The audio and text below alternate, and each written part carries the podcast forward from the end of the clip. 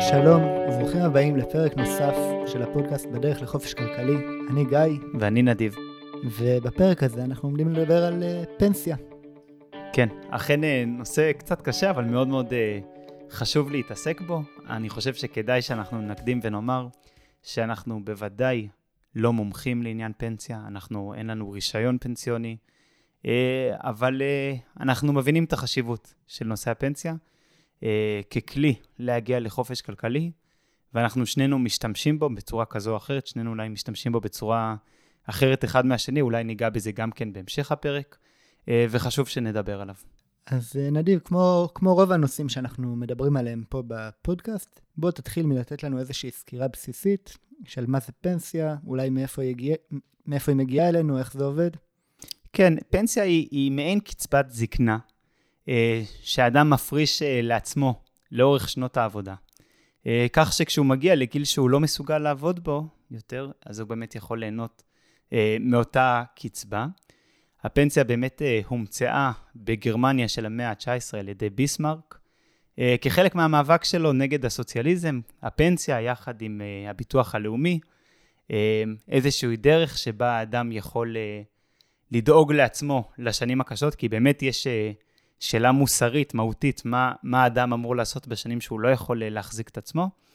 אה, וזאת הייתה התשובה של אה, גרמניה של המאה ה-19 לעניין הזה, ובאמת זה אומץ על ידי כמעט, לדעתי, אולי אפילו כל המדינות, בטח המערביות, כסטנדרט, ויש בו גם הרבה היגיון.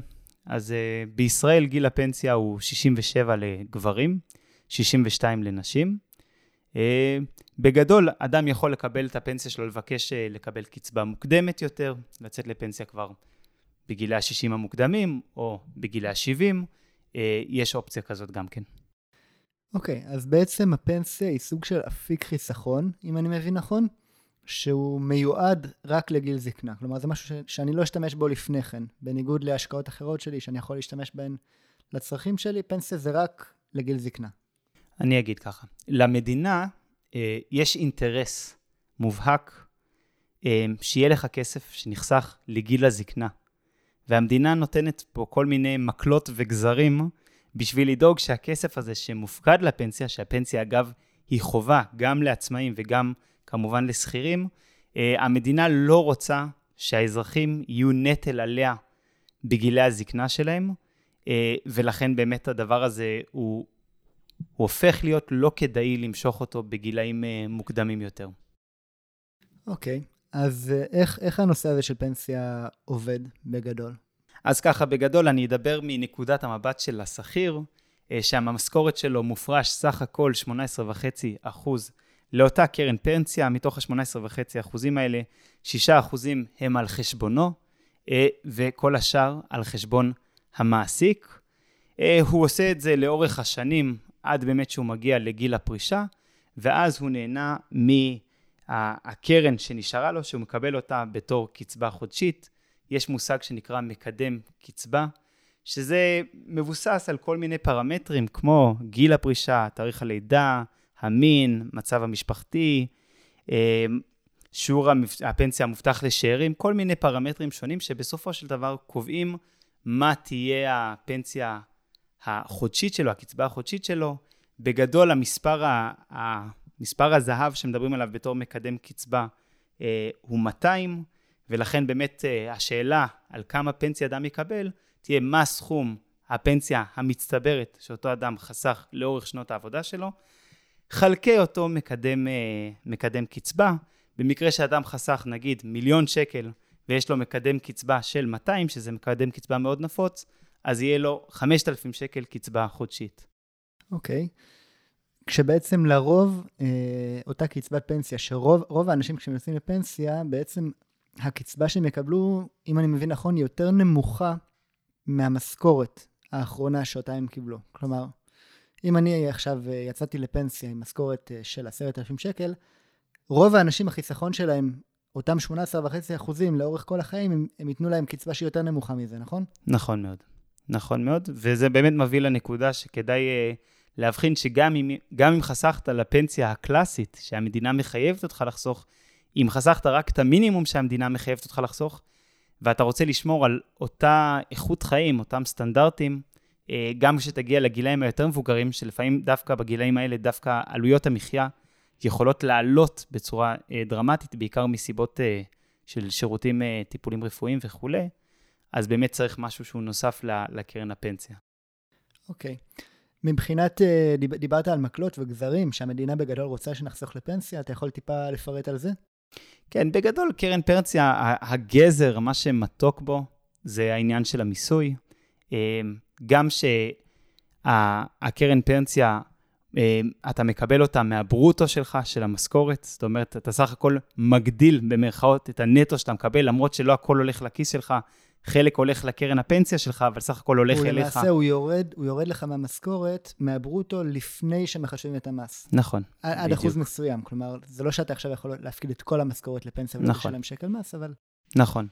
והתשואה שהכסף יעשה שהוא מושקע, קרן הפנסיה בדרך כלל היא מושקעת באפיקים מנייתיים, אג"חים, כאלה ואחרים, אז התשואה אה, תהיה פטורה ממס, מס רווחי הון, ואם תתחיל באמת לקבל את הכסף בתור קצבה מגיל הפנסיה שדיברנו עליו, 67 ו-62 והלאה, אז באמת תוכל גם לקבל את התשלומים האלה אה, ללא תשלום מס. אוקיי, okay, עכשיו נניח שחסכתי סכום מסוים אה, לגיל פנסיה, חסכתי, יש לי בקרן מיליון שקל.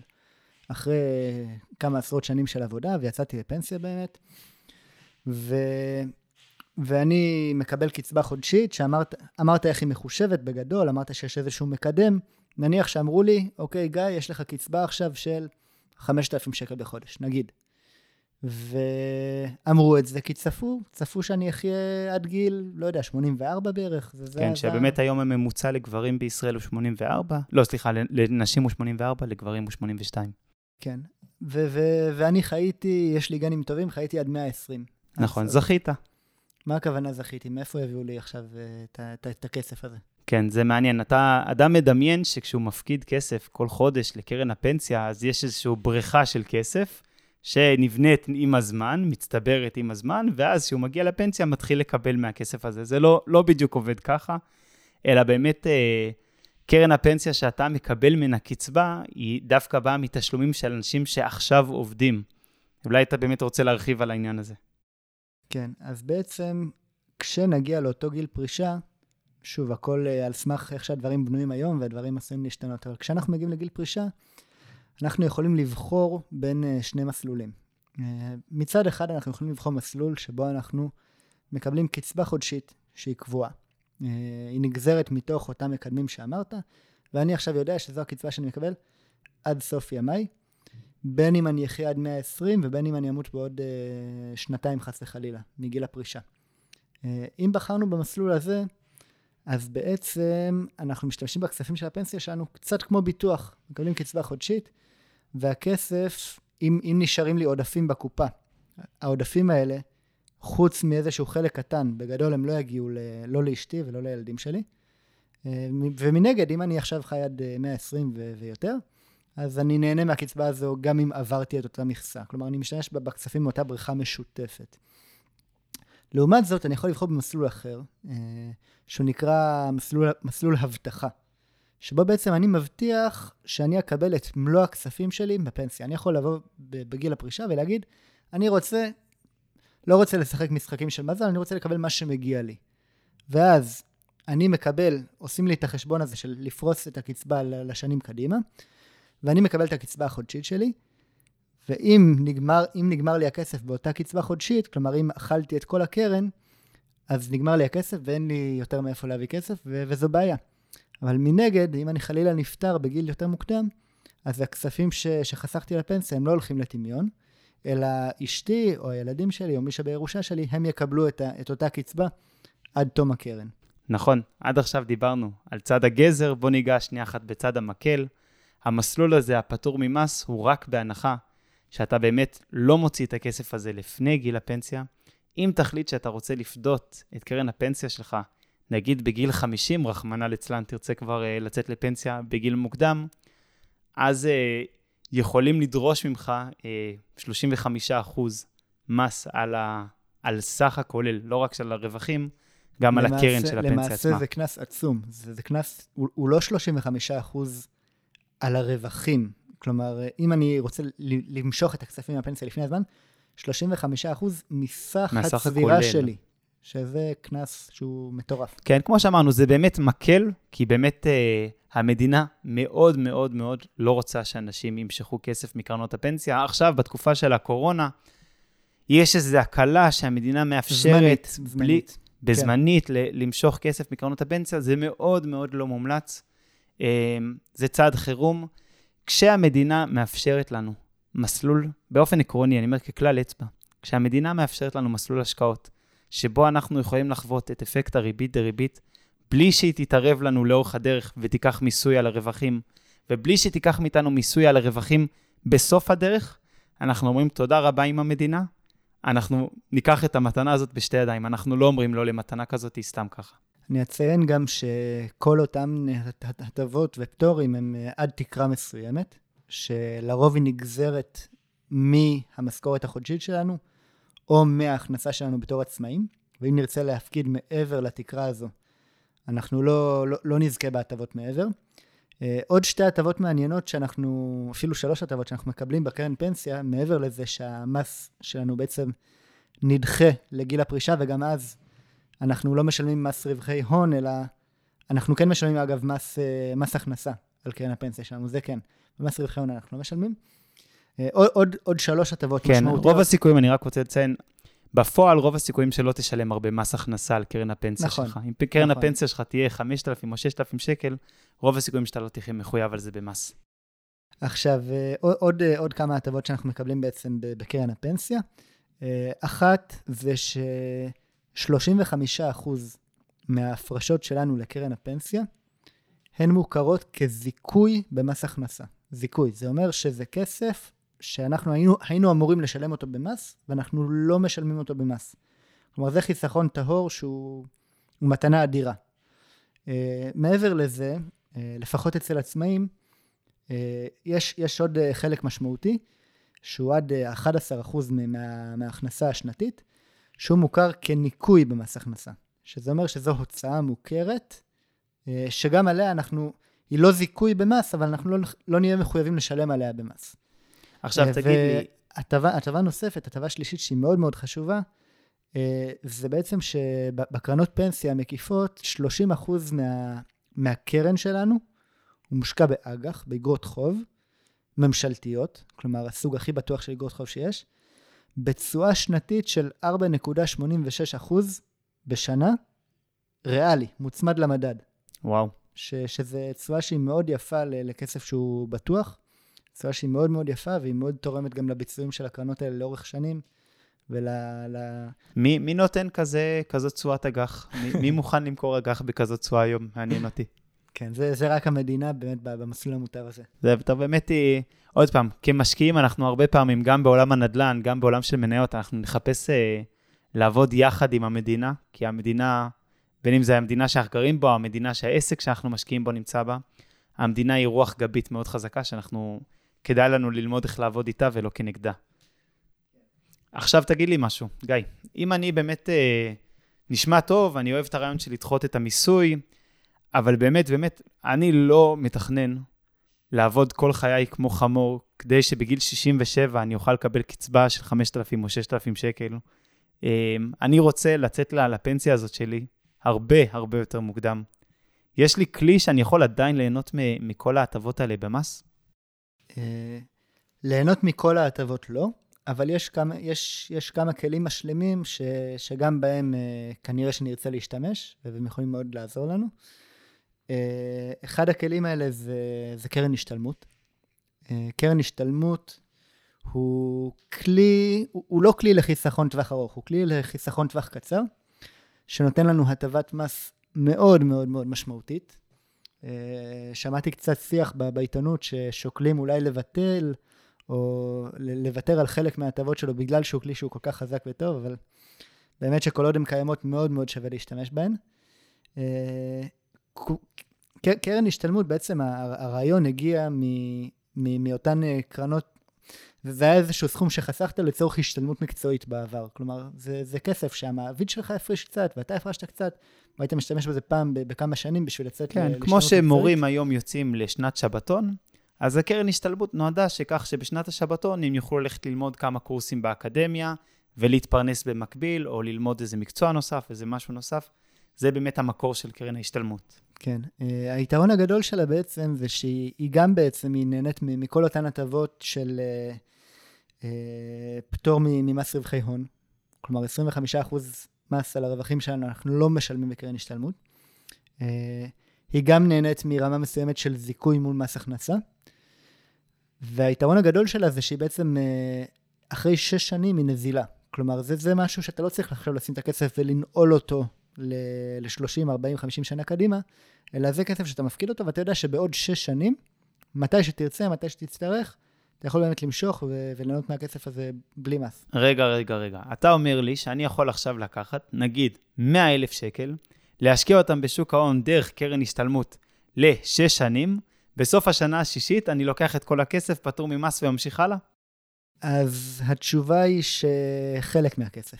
אה, למעשה יש לנו תקרה להפקדה שהיא מוכרת לצורך אה, קרן השתלמות. התקרה הזו היא עומדת על 18,000 אה, שקלים בשנה בערך, אה, זה גם תלוי בהכנסות, אבל מאוד מאוד כדאי, חד משמעית, לכל עצמאים, מאוד מאוד כדאי, ולרוב השכירים גם, אתה יכול לבקש מה...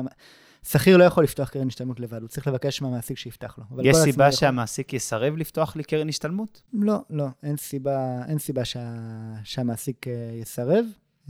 מה שכן, הקרן תהיה על חשבונך. כן. מתוך המשכורת שלך. אבל uh, כיוון שמותר להפקיד רק 18,000 שקלים בשנה וליהנות מהפטור, כדאי להתחיל עם זה כמה שיותר מוקדם.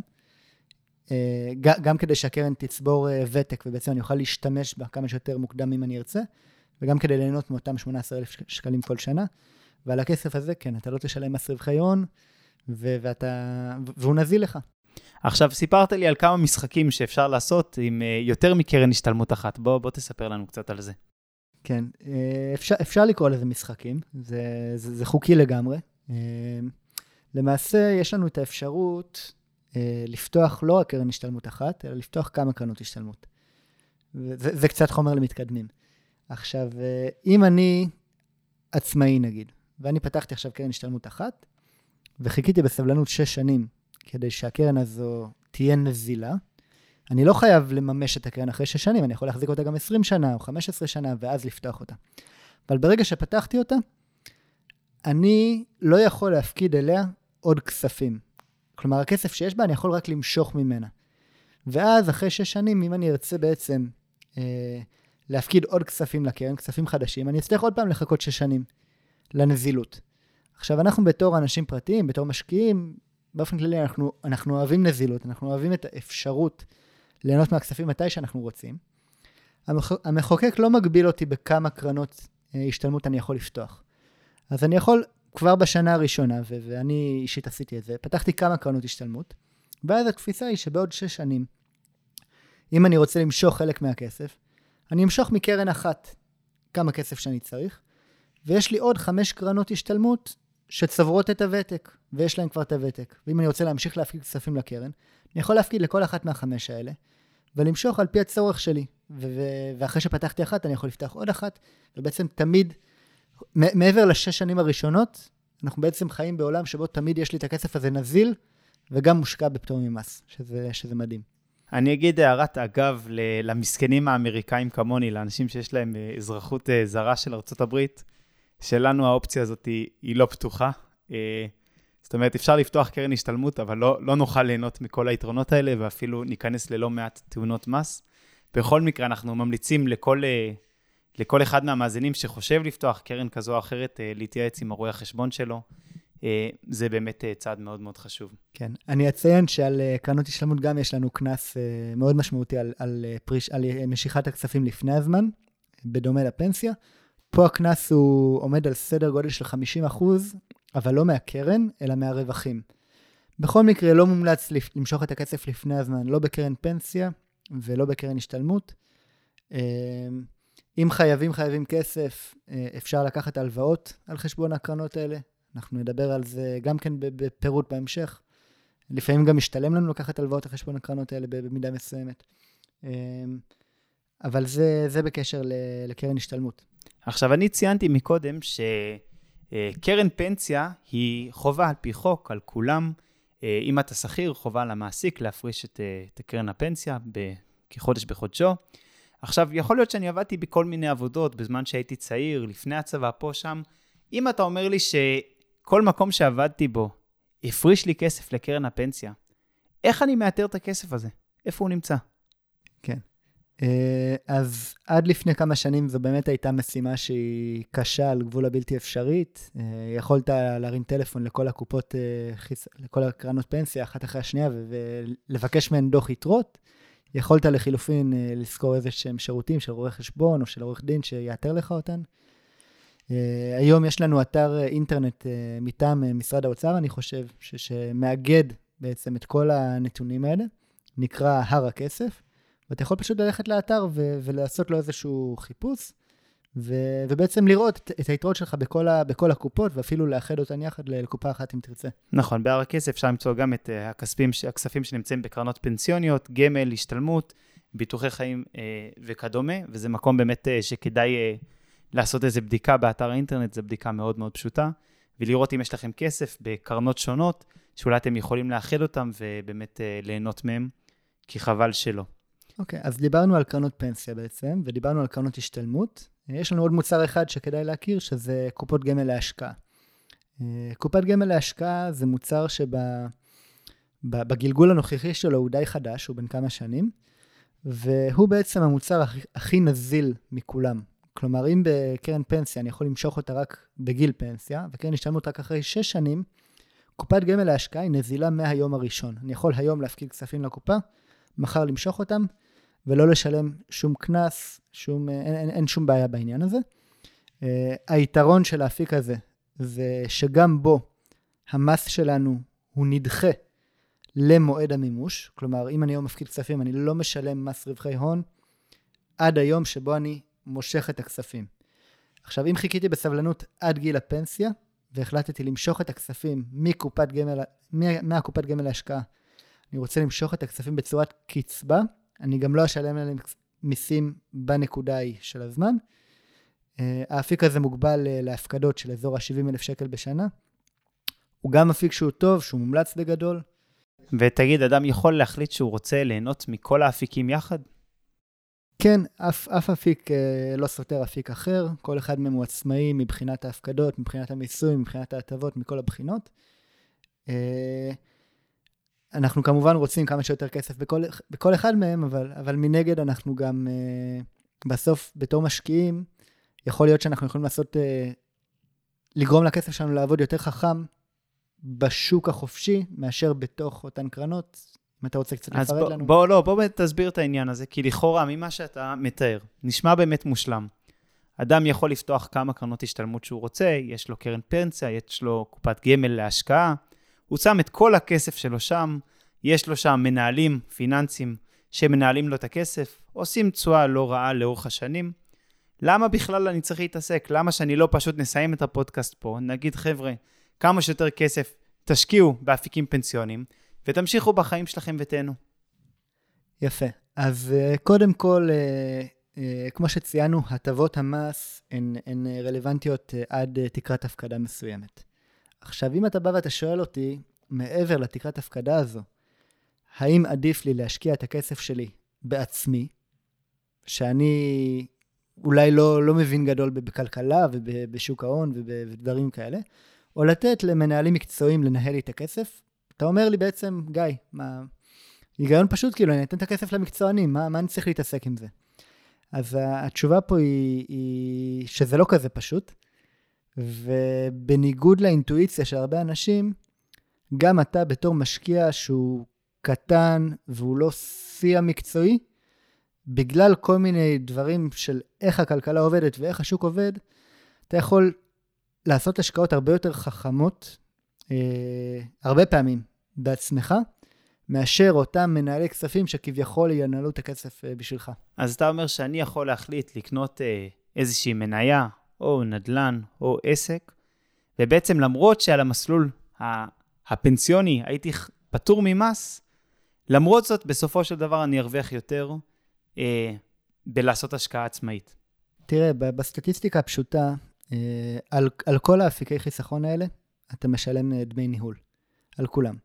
אה, לרוב יש לך דמי ניהול מההפקדה, שזה מכל כסף שאתה מכניס לקרן הזו, ויש לך דמי ניהול מצבירה, שזה דמי ניהול על, על סך הכסף ששוכב לך שם. הדמי ניהול האלה הם משמעותיים, הם לא קטנים, הם יכולים להגיע לאזור האחוז וחצי, שני אחוז. והם קשורים כן. לביצוע של אותו מנהל? אה, הדמי ניהול האלה לרוב במשא ומתן, במיוחד אם יש לך כבר איזשהו סכום משמעותי, אתה יכול אה, להוריד אותם גם, אה, להוריד, להוריד אותם בהרבה. יש, יש היום מה שנקרא קרנות, ברירות, קרנות ברירת מחדל, שזה בא, בא המחוקק ואמר, תראו, אני רואה פה ש, ש, שהשוק אולי לא, לא הכי ברור, קשה קצת להשוות את העמלות. הוא עשה איזשהו מכרז ונתן לכמה קרנות בעצם לבוא ולהתחרות על, הר, על, על העמלות ניהול הכי נמוכות. ו- ואתה בתור uh, משקיע פסיבי, אתה יכול לבחור ללכת עם אותן קרנות. אז רגע, כשאני עכשיו בוחר באיזה קרן אני רוצה לשים את הפנסיה שלי, אני פשוט אבחר לפי מי שיבקש ממני את העמלה הנמוכה ביותר, או אולי אני יכול לבחון לפי ביצועים? אז תראה, אה, בניגוד להרבה מקומות אחרים, ש- שאנחנו מסת- מסתמכים על ניסיון העבר ורואים מה הביצועים של, ה- של הקרנות, פה ביצ, ביצועי העבר ב, ב, ב, בעולם ההשקעות הם לא בהכרח מעידים על ביצועי העתיד. אה, וביצועי העבר, כלומר, אם בא לי מנהל מקרן מסוימת ואומר לי, תשמע, הקרן שלי הכי טובה, יש לי את המנהלים הכי מוכשרים, אני עושה את המחקר הכי טוב, אני יודע לנצח את השוק, תשלם לי את האחוז וחצי יותר, וה, והביצועים של הקרן פנסיה שלך יהיו פנומנליים. אה, זה הבטחה ש, שהיא נשמעת טוב, אבל במבחן המציאות, אה, רוב הקרנות לאורך זמן לא הצליחו לנצח את המדד הכי פשוט, שזה ה-S&P 500, או כל מדד מוביל אחר, כאילו, סטטיסטית, הדמי ניהול הם הרבה יותר משמעותיים בלמשוך את הקרן שלך למטה, מאשר הביצוע העודף על שוק ההון שאותם מנהלים אה, מבטיחים. כן, אני חושב שזה נכון, וגם אה, באמת מה שהתחלת להגיד מקודם, שביצועי העבר אה, בשוק ההון בטח לא מעידים על ביצועי עתיד, בטח לא בטווח הקצר. זאת אומרת, אם יש מנהל של איזשהו קרן פנסיה, שברבעון האחרון הפסיד 5% מהקרן, זה לאו דווקא אומר שבטווח הארוך הוא לא יהיה מנהל מבריק, וגם כן הפוך.